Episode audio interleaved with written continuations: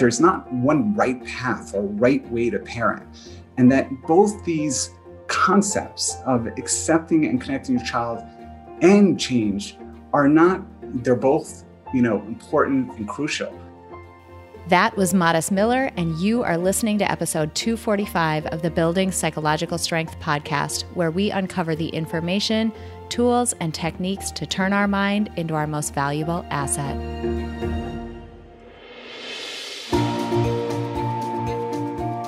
The courage to face fears with persistence.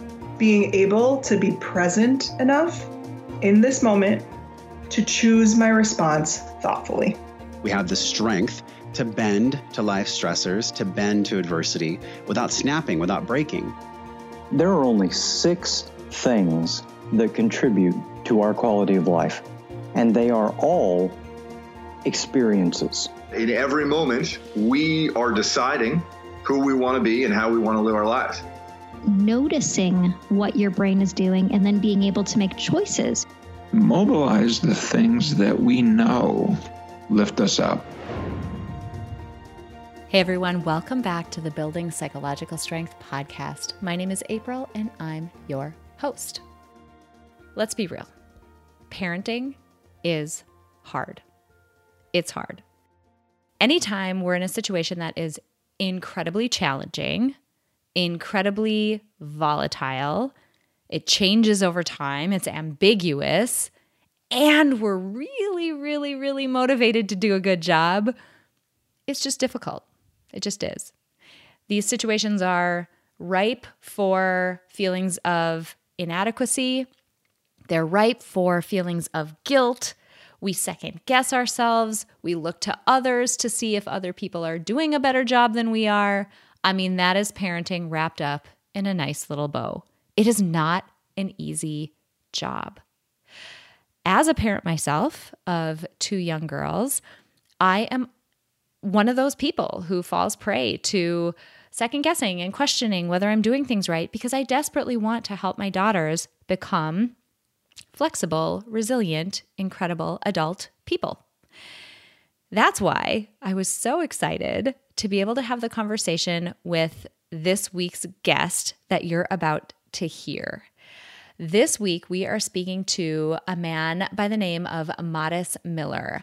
Modest Miller he is the founder of the Center for Cognitive and Behavioral Therapy in New Jersey. So he is a therapist at heart, trained and experienced in psychology, incredible expert. Uh, he's also the author of a book called The Uncontrollable Child.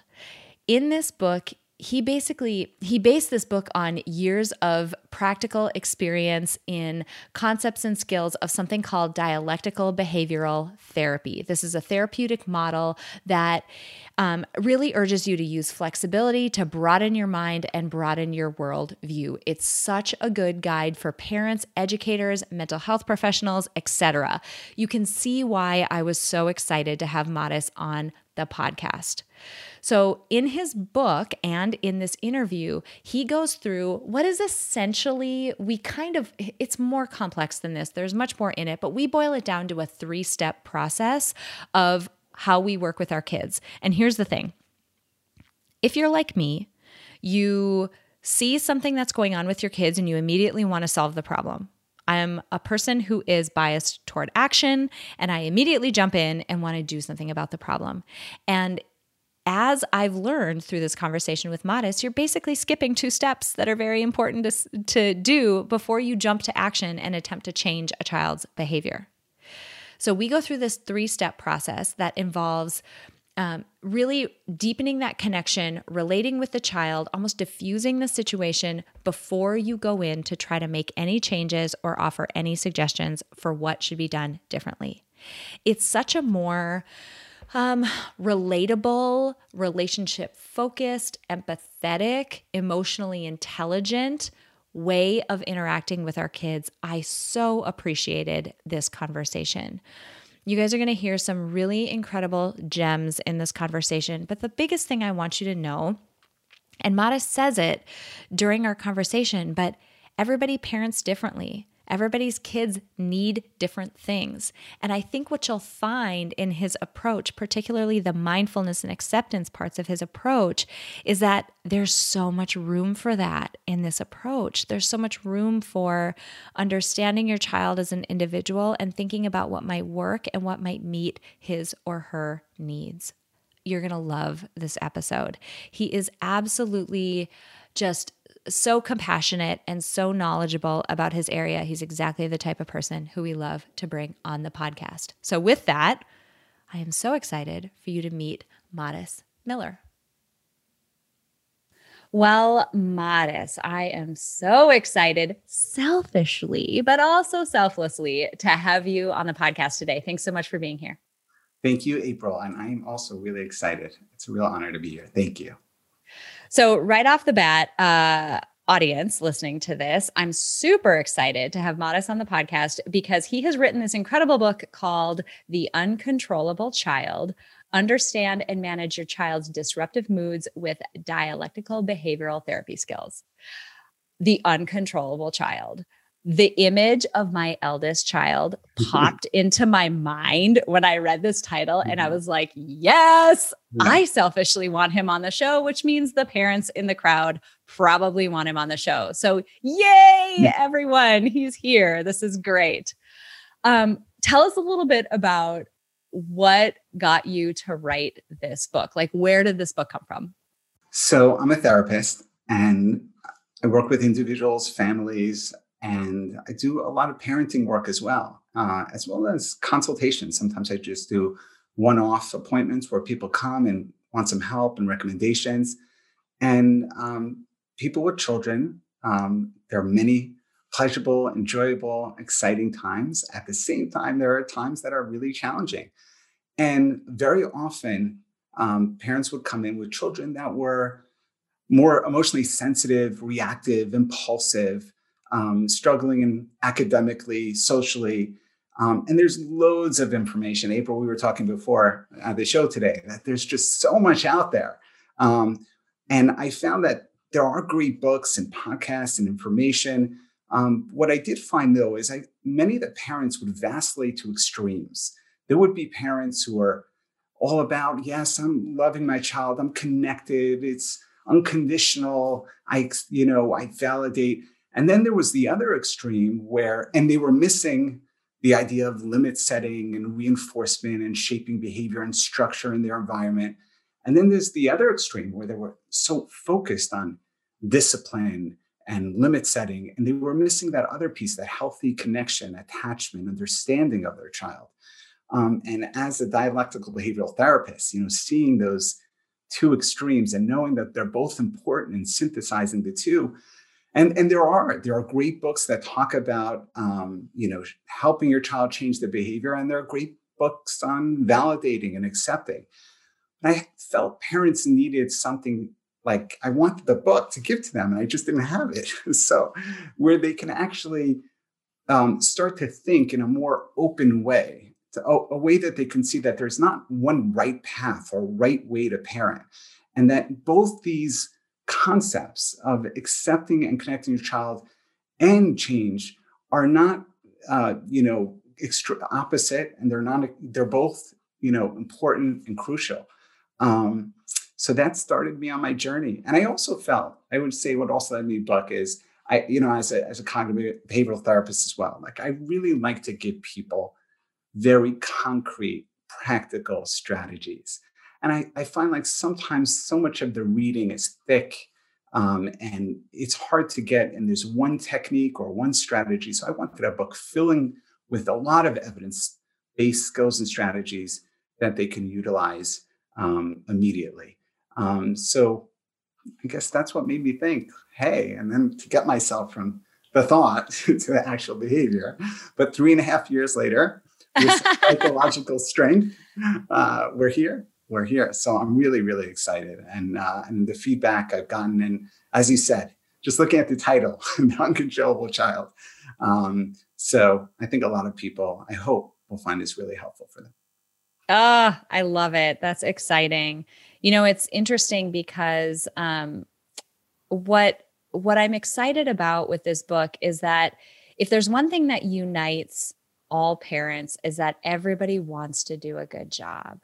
Everybody wants to be a good parent. They want to do the right thing for their kid. They want to help them grow and develop into being a balanced, functioning, healthy, you know, resilient adult. And so we all have the best of intentions at heart. But I was peeking through your your book, the advanced copy that you sent, and it's like you're absolutely right. You mentioned how the the situation we find us ourselves in where we're struggling with what to do. Am i doing the right thing? How do i handle this situation? It's not because there's a lack of information out there. How many blogs and books and I mean, all of it, websites, YouTube videos are there out there about these parenting approaches. But what I love about yours is that it is so evidence based. It's really taking the standpoint of what do we know works from a, the, a field that studies human behavior. Like, what do we know works developmentally for kids? And how can we apply that in our lives? Like, that is exactly what we're about here in on building psych strength. Um, before we dive in, actually, even further, I should mention too that you have some serious street cred because you are not only like a dad, you are a dad six times over. Six, six. Yeah.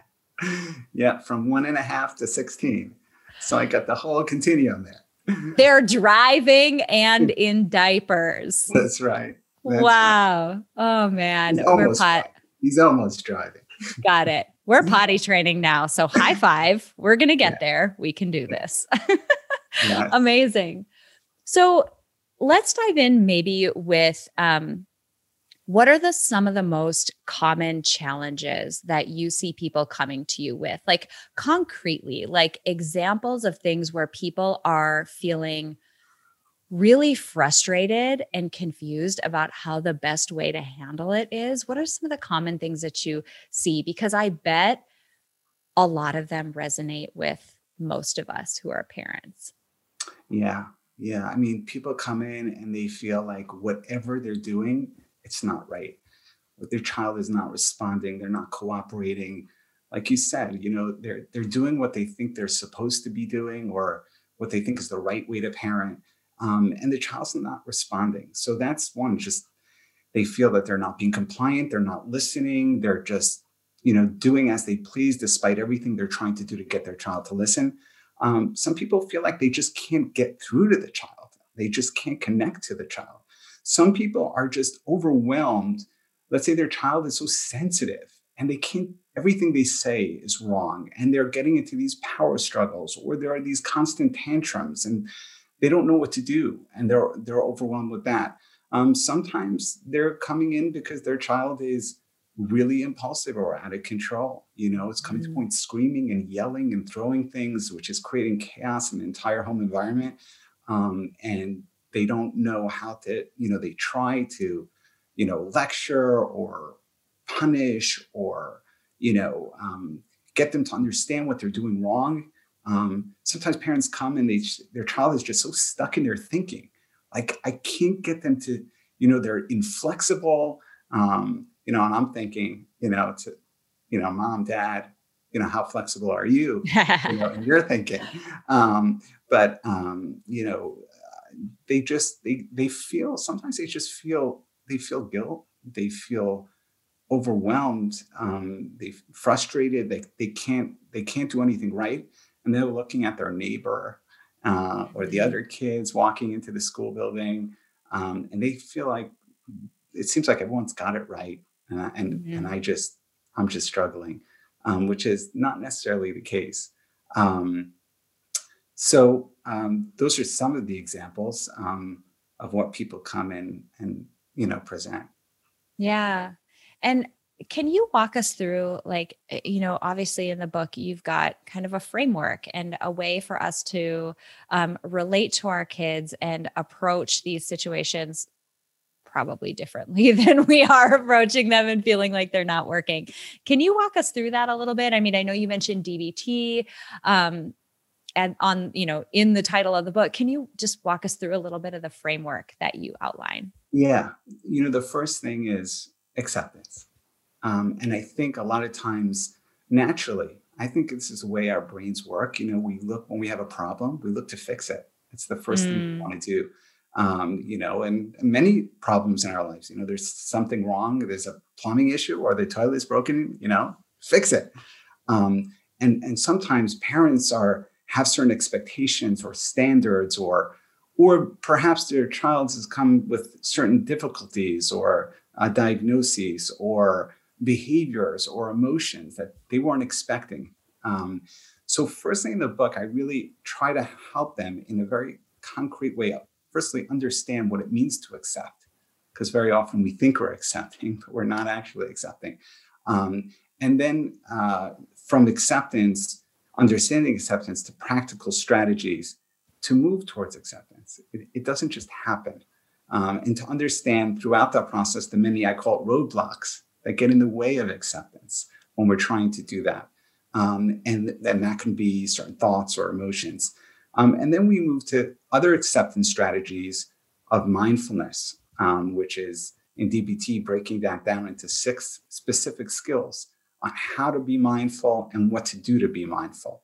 Um, and mindfulness is really important to be aware of ourselves and our children um, and one of the key mindfulness, two key mindfulness uh, skills that I think are super important in terms of acceptance is non-judgmentally, is to be mm. able to, because we're again we have these should beliefs, as I was saying before, which gets in the way of our accepting the child. That they shouldn't be lying, they shouldn't be screaming, they shouldn't be fighting about everything. And the answer is they should, because there are causes that are leading them to be exactly where they are until there's something else that's going to change those behaviors. And that's that's you know when parents have to let go of shoulds and accept the reality of what is, that leads to a lot of sadness. Um, and they don't want that we don't none of us want to accept things that we were hoping not to be that way or accept things or get in touch with what's painful or hurtful um, and so I really try to help parents get to that place and, and accepting themselves uh, for them as a parent as well, that accepting the struggle, normalizing the struggle, validating the struggle. And then more concretely, moving from mindfulness, uh, I mentioned also non-judgmentally and effectively, doing what works. Um, and that's it's not getting stuck in what's principle or what you again what you read in this book well they said it should work well if it's not working then open your mind and try to think about something that's more effective and, and that openness, and then moving towards validation, which is an acceptance skill also, really being able to use those very those six skills, six validation steps to know how to validate your child. And that's really powerful for an emotionally sensitive, reactive child because it helps them feel understood, connected, and that actually regulates emotion we see in research. Mm. And then we move to change.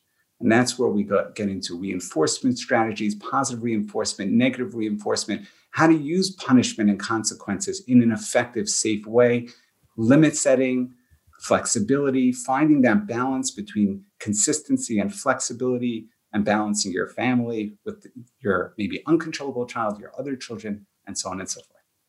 I love it. I love it so much.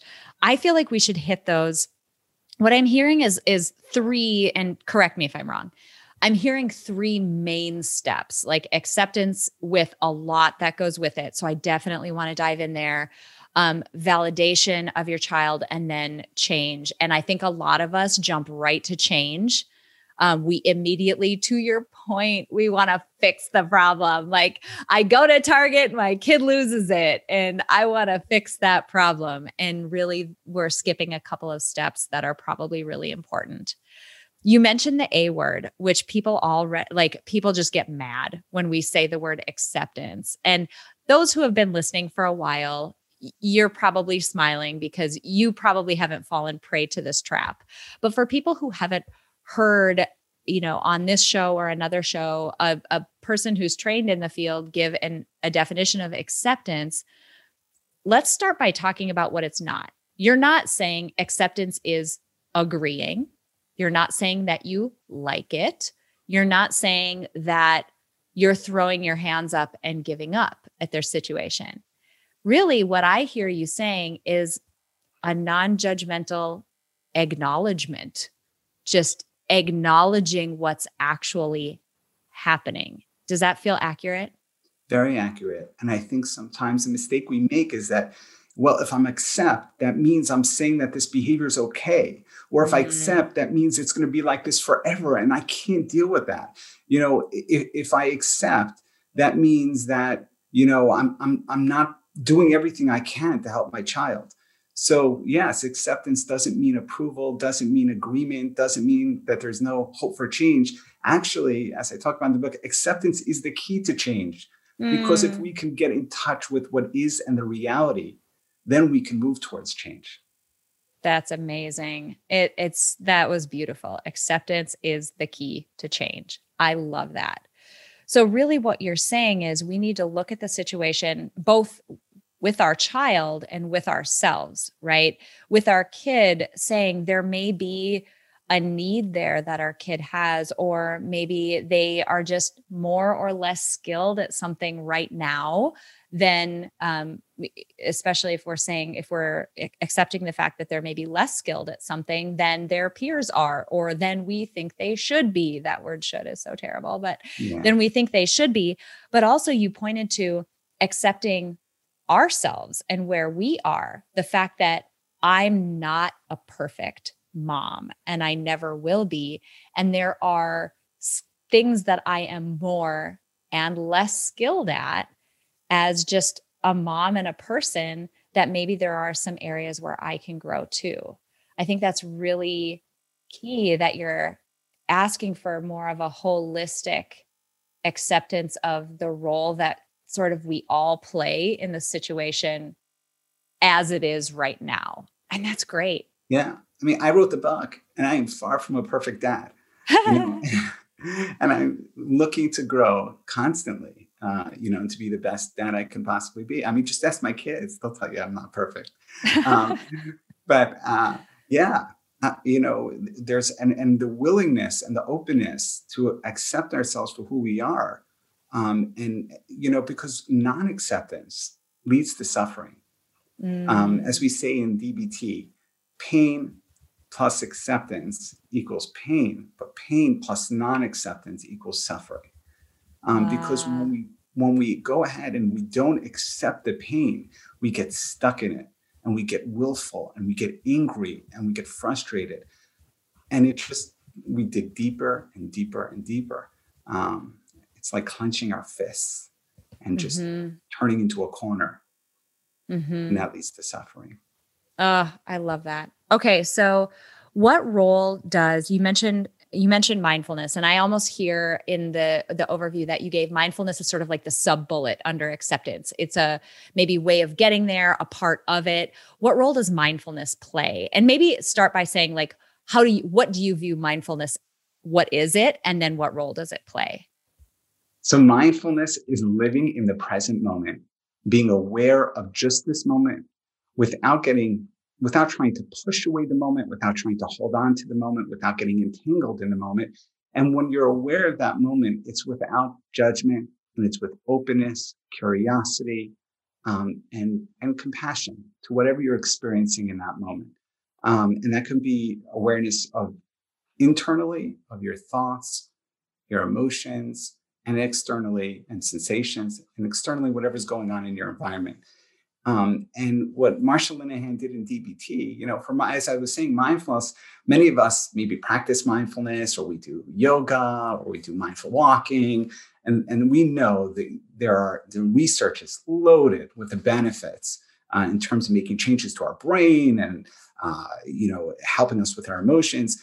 But Marsha Linehan in dialectical, dialectical behavioral therapy was extremely helpful in breaking those down into really specific, concrete skills that we can use in every interaction in our life, um, and especially in parenting. I, I, see that can be super helpful.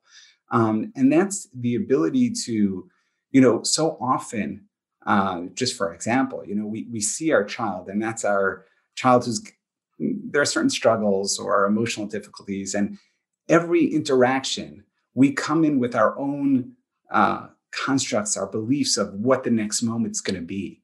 Um, and mindfulness really can help us see our child in each and every moment for where they're at in that moment um, and not bring in the past and not bringing your expectations of where things are going to be in the future.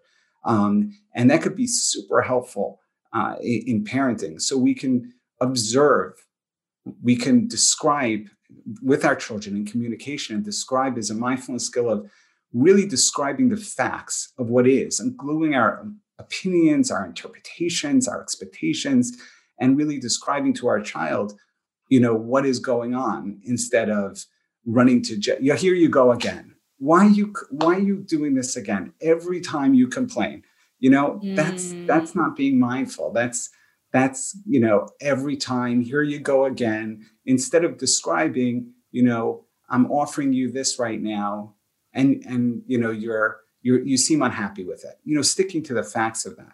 Um, and then we go to participate mindfully is that very often which is a great mindfulness skill is with our children we're not allowing ourselves to be completely in the moment especially in today's digital age and of course it's difficult times now but we're everywhere except with our children often you know we're on our phone we're thinking about work we have to take care of this we have to run this errand. So um, participate is throwing ourselves into the experience. If your child is outside playing you run out and play with them.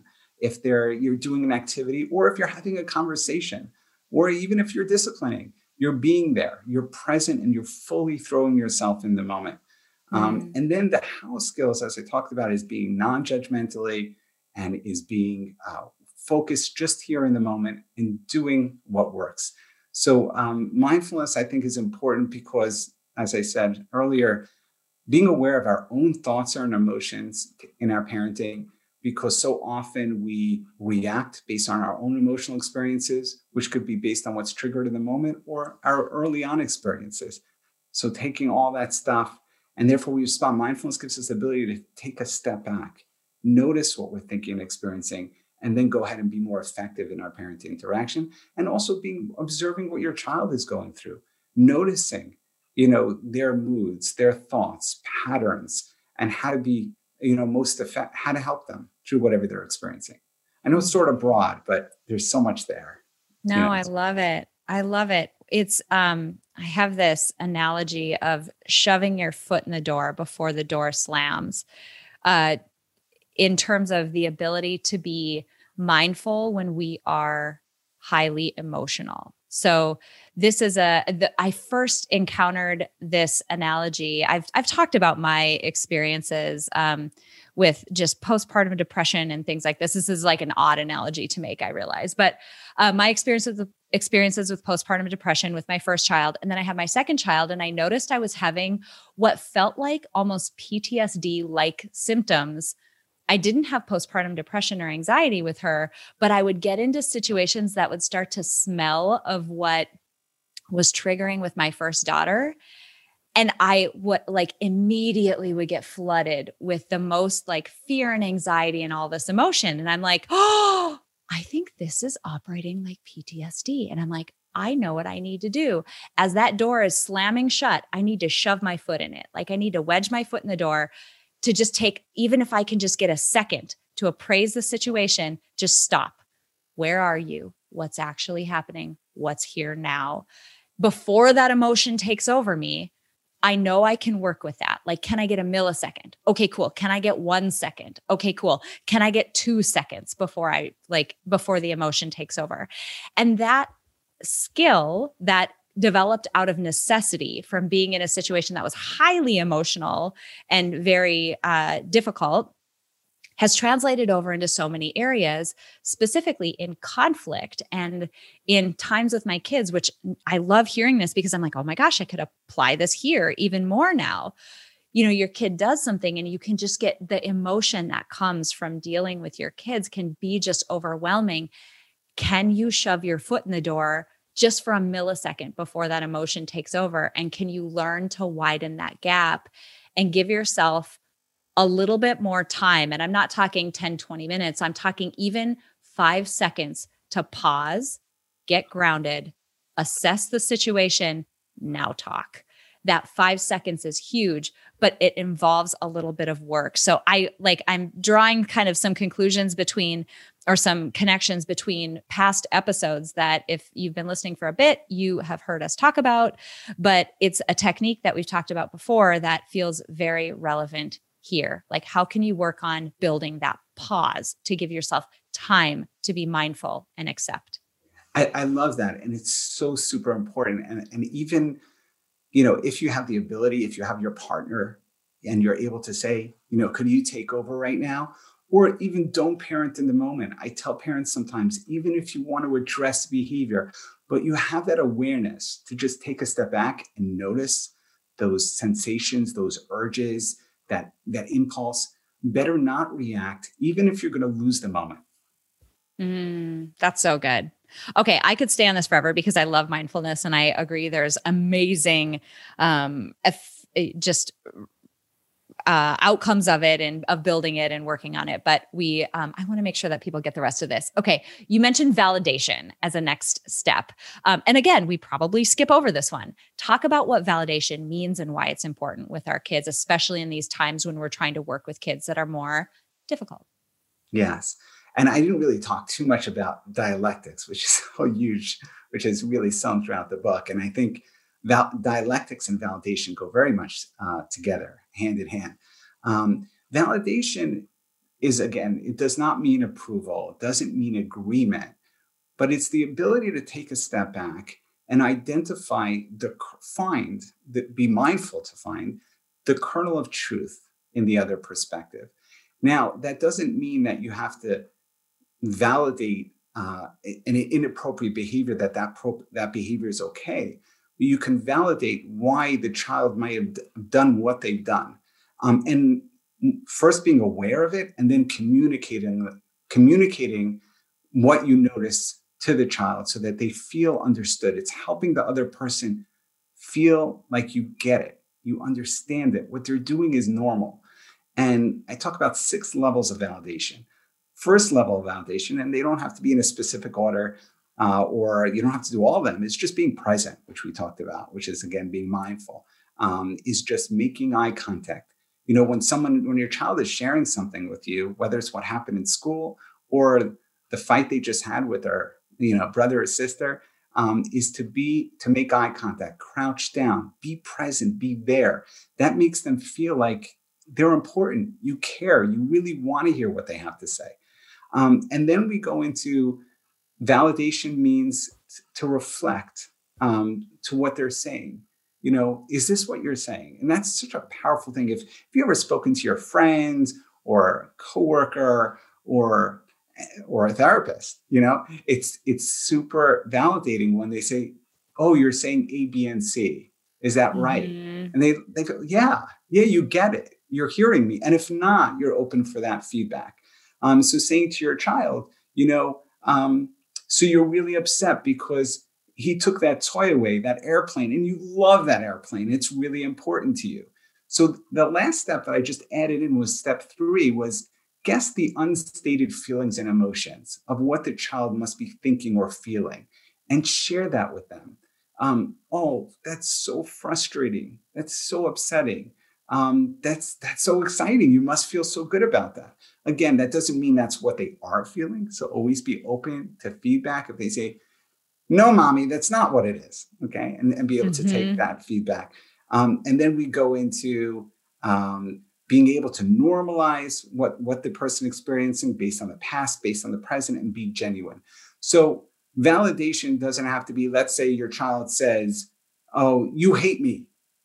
That doesn't mean say you don't you're not going to validate to the child and say you know yes yes i hate you right? You wouldn't do that. But what you would do is you would say you might say um, I, I can see why you might be really mad at me right now. Um, and that is identifying the part of that's might be truth because it's not truth you hate the child but you maybe put a limit in place that's really frustrating and upsetting for the child I love that for so many reasons. I mean, not only does validation it's something we all need right i mean just think about take our take ourselves out of this context and put ourselves in a position where we're at work and we're trying to communicate something difficult at work and if a boss or a coworker said like validates what you are trying to communicate or the way that you're feeling or why you might feel the way that you did about how a meeting went it's the best like it just depressurizes the situation for a second so that everybody can move forward more effectively.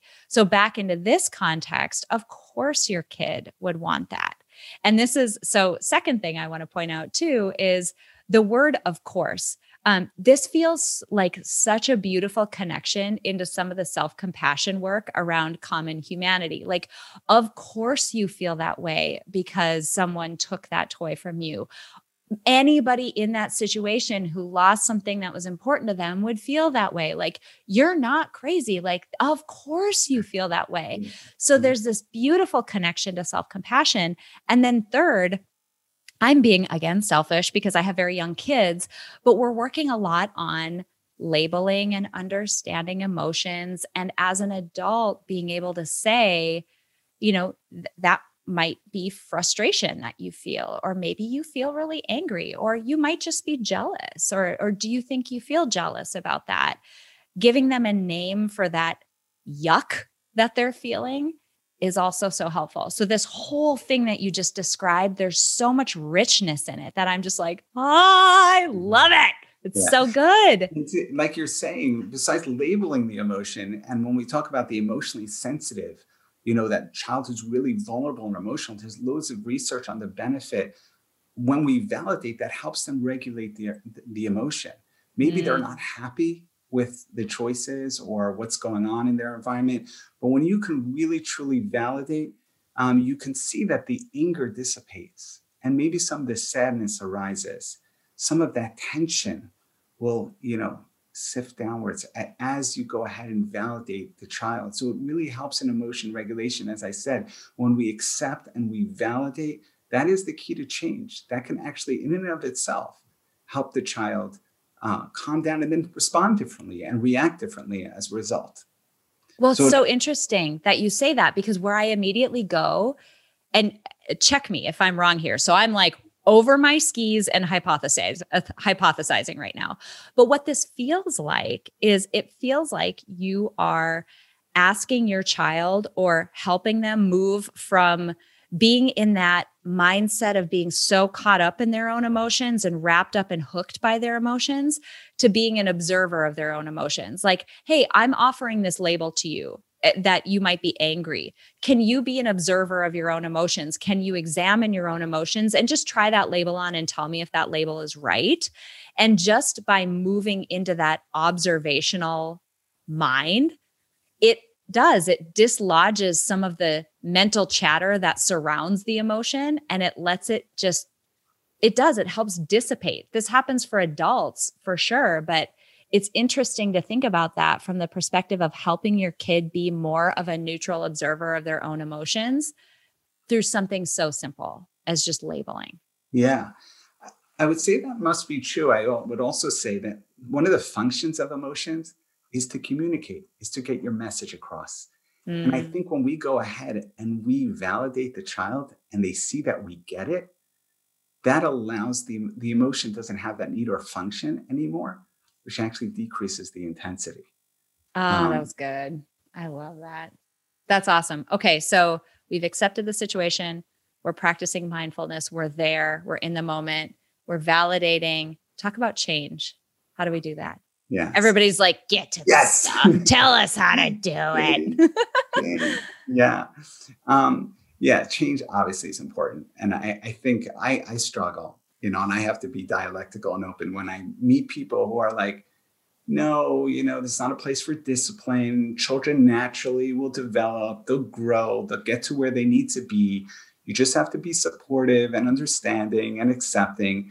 And I, I don't think that's the case. I think as parents, part of our responsibility is to help the child understand what's appropriate and not appropriate. And sometimes we do have to help shape or change those behaviors.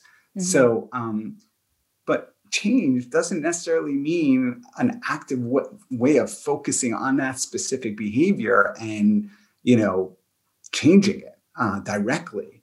um, or manipulating it in some way because that can lead to a lot of tension. Um, so once we get, like you said, April, we get to the acceptance, the child softening up, they feel there's a relationship. Firstly, is is reinforcing the positive. We're so focused on the negative because when everything's okay, you know, I always think about you know the school teacher in the classroom. You know, that child that's in the corner that might be suffering with depression, and anxiety, maybe even trauma, but they're not acting out. Um, so they they don't pay attention to that, but the kids who act out, that's who get the attention. Right. Often. Um, so I think is to really start with learning how to reinforce the positive, strengthen the positive. Well, my kid, there's no positive. He's out of control. I mean, it's terrible. He comes in from school. He's throwing things across the room, complaining about dinner. You know, before I know it, him and his brother are at each other's necks. And then, and then later, bedtime. You know, there's always an excuse. Homework, I can't even get them to do it in the first place. And then he goes out to play and he's supposed to be back and he comes an hour and a half late. And I say, What's going on? And he says, I don't know. I, I, I was playing with my friends. What's the big deal? They all go to sleep late. Why can't I go to sleep late? It's like it's never ending. And the, the answer is, and when I sit with parents, it gets back to mindfulness, is there are moments where they're not engaging in negative behavior. Maybe it's not that behavior that you expected, that positive. Oh, mom, I love dinner. You're the best. Or dad, right? But if they're just come in and they sit down and they're the second they're doing a behavior that you want them to do, focus on it and reinforce it. And what we know is if we can use praise and reinforcement, um, that actually will increase those behaviors. Mm. So that's that's really super important. And, and that's a skill in itself, how to praise you know how to identify those behaviors how to praise those behaviors and how to strengthen them so um, and that does bring about change because there are certain behaviors we want more of or even if you discipline your child in some way and the moment after they do transition back and acting more appropriate use every opportunity to provide positive because they want that and it will strengthen the behavior and you'll see more of it and if you don't believe me then keep a log mm-hmm. and actually watch that if you praised your child over time, likely you'll see. And we're, we're, we all don't say it enough. I do not praise my children enough. I wish I, you know, I, I try to be mindful. And, and positive reinforcement doesn't just mean, oh, you're a super kid. That means a smile. That means a hug. That means asking them about their day. Any positive interaction which shows them that you're there and you care and you appreciate their behavior and give them attention for the positive behavior in the moment. I love that. I love that. I don't know if I should keep going or. Yeah, yeah, go for it. I mean, where I'm going next is probably the flip side of the coin that you're leading to. So, being able to increase the likelihood, increase positive behaviors, love that. How about the flip side of the coin? Yeah, so the flip side of the coin, and we can use positive for that too, is how about the behaviors that are problematic and mm-hmm. addressing, mm-hmm. you know, the screaming, yelling, um, non-compliance, maybe pro- extreme property destruction or delinquency. I mean, it can be all sorts of severe problematic behaviors. So, firstly, if we can work with the positive, we always want to work with the positive.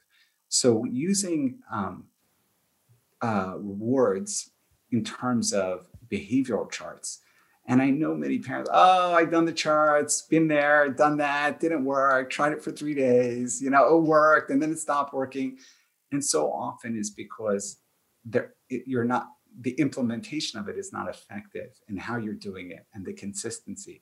And sometimes it takes a lot of energy and focus to actually address behavior. So, in other words, if the child is not doing their homework and you want to implement a chart for that, um, you have to know how to do that. It's not okay. Um, well, if you do your homework for a week, I'll, I'll, take you on an outing, you know, and then two days in, he he, he got messed up. Okay, here we go again. You see, I, I offered you all this. You were all excited, and you can't even keep up on that.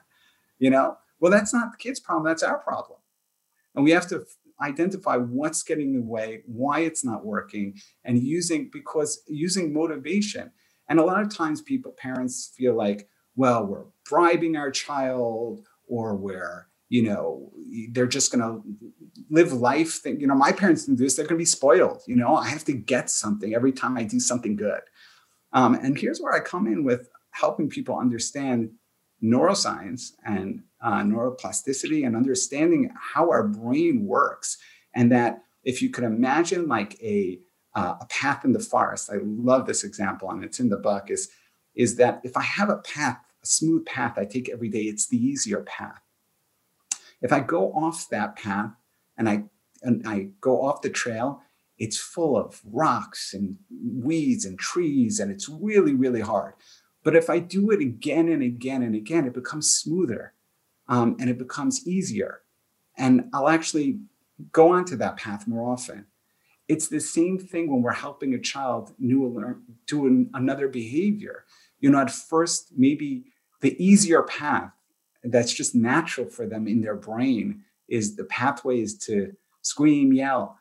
But if we actually help them, but with giving them skills and tools at the same time, and again and again, we can reinforce that behavior together with positive praise, building their internal strength, okay, not just external, internal. So those go together to answer the question I'm just bribing them, building them up.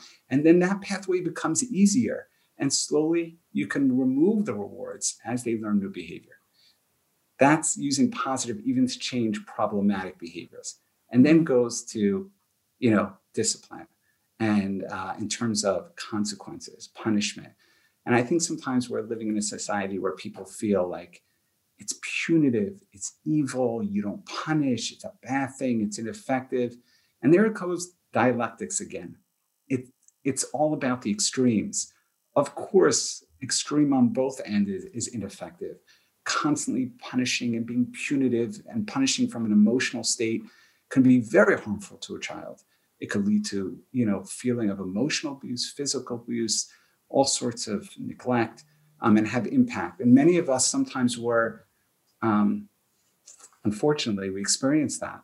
So therefore, we overcompensate and we go to the other extreme. Mm. Rather understanding there is an effective way. I mean, the world is full of consequences. You speed on the highway, you get a ticket.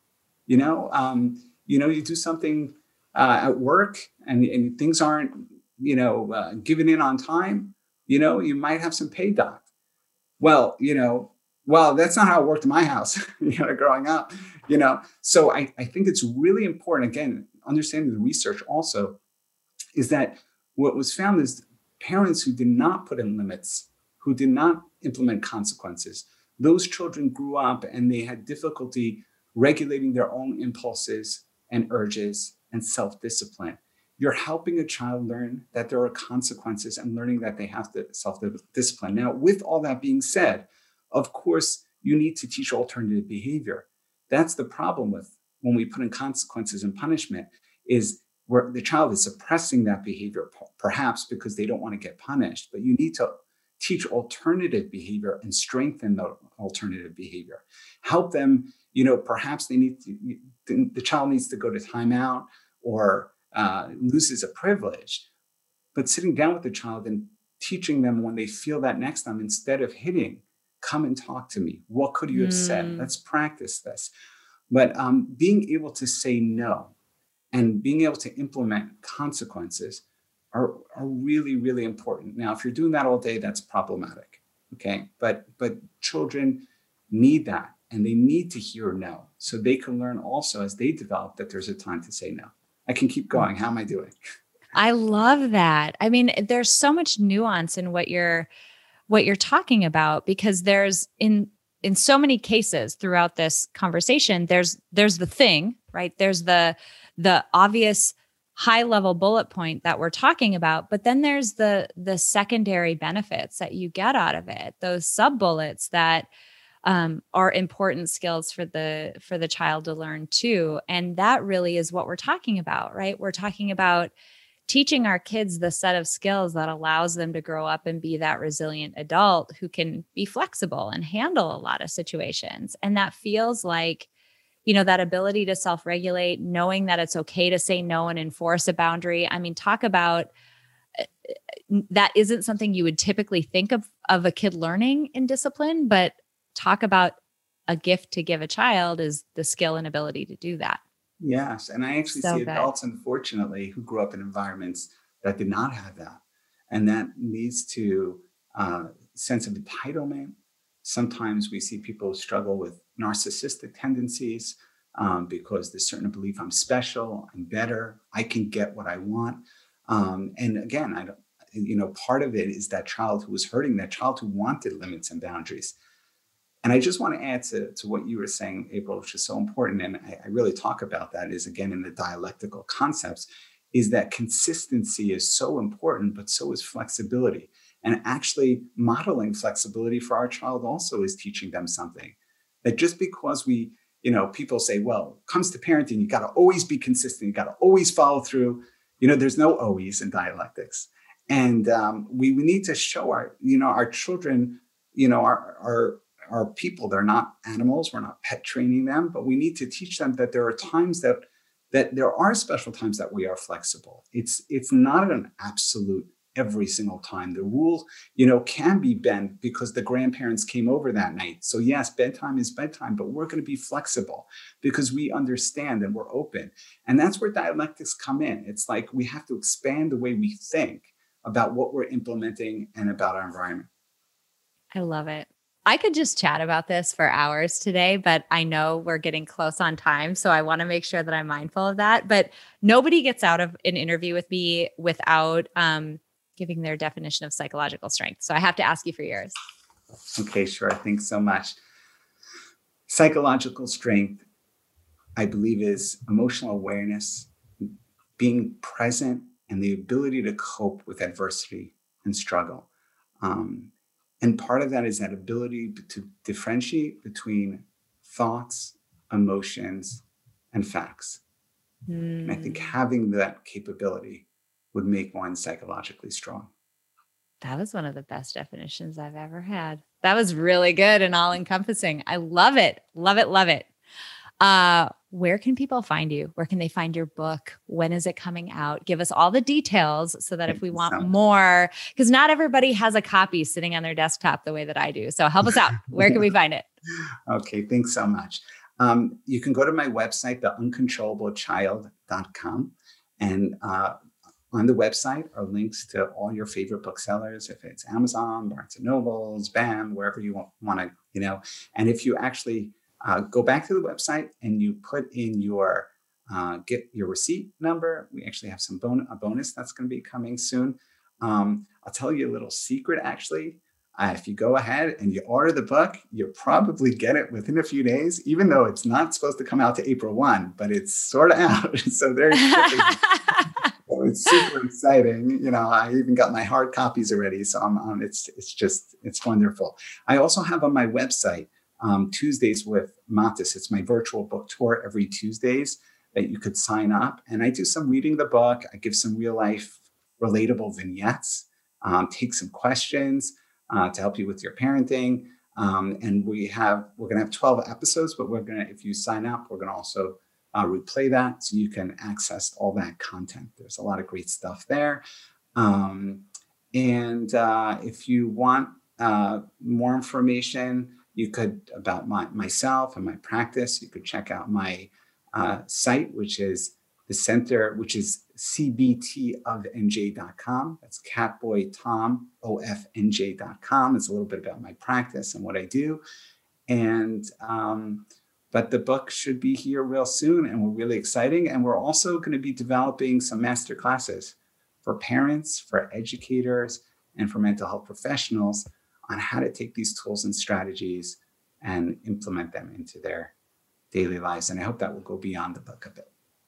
Amazing. We'll make sure that all those links are in the show notes page, uh, in the episode description of this episode, so that people can just, if you're on your phone right now, you can just swipe up and click on any of those uh, links and go right there. This has been awesome. Selfishly, I have learned a ton and I appreciate it. Um, but I know if, you know, if one parent is wondering, about a topic and finding that they need help in an area, that means there are a lot of parents who need the same thing. So I know you helped a lot of people today. So thank you so much for being here. And thank you, April, for having me. It's a simple fact that nearly everyone in the world could benefit from building psychological strength, but not everyone will put in the time and effort to do so. But today you did. Thank you so much for listening to this episode of Building Psychological Strength. Now, if you're interested in building the mental toughness, confidence, and resilience you need to thrive through life's ups and downs, visit us at www.peakmindpsychology.com. Also, if there's someone in your life who could benefit from this episode, please share it with them. And if you yourself found this episode valuable, meaning if you took away even one insight that you can use to build psychological strength in your own life, we would so appreciate it if you would drop us a rating and a review on iTunes. The thing is, the more ratings and reviews we have, the easier it is to get this powerful and important content out to the people who need to hear it. Remember, your mind can be your most valuable asset or your biggest liability, and you get to choose. So choose wisely, my friend. And I'll see you next time on Building Psychological Strength.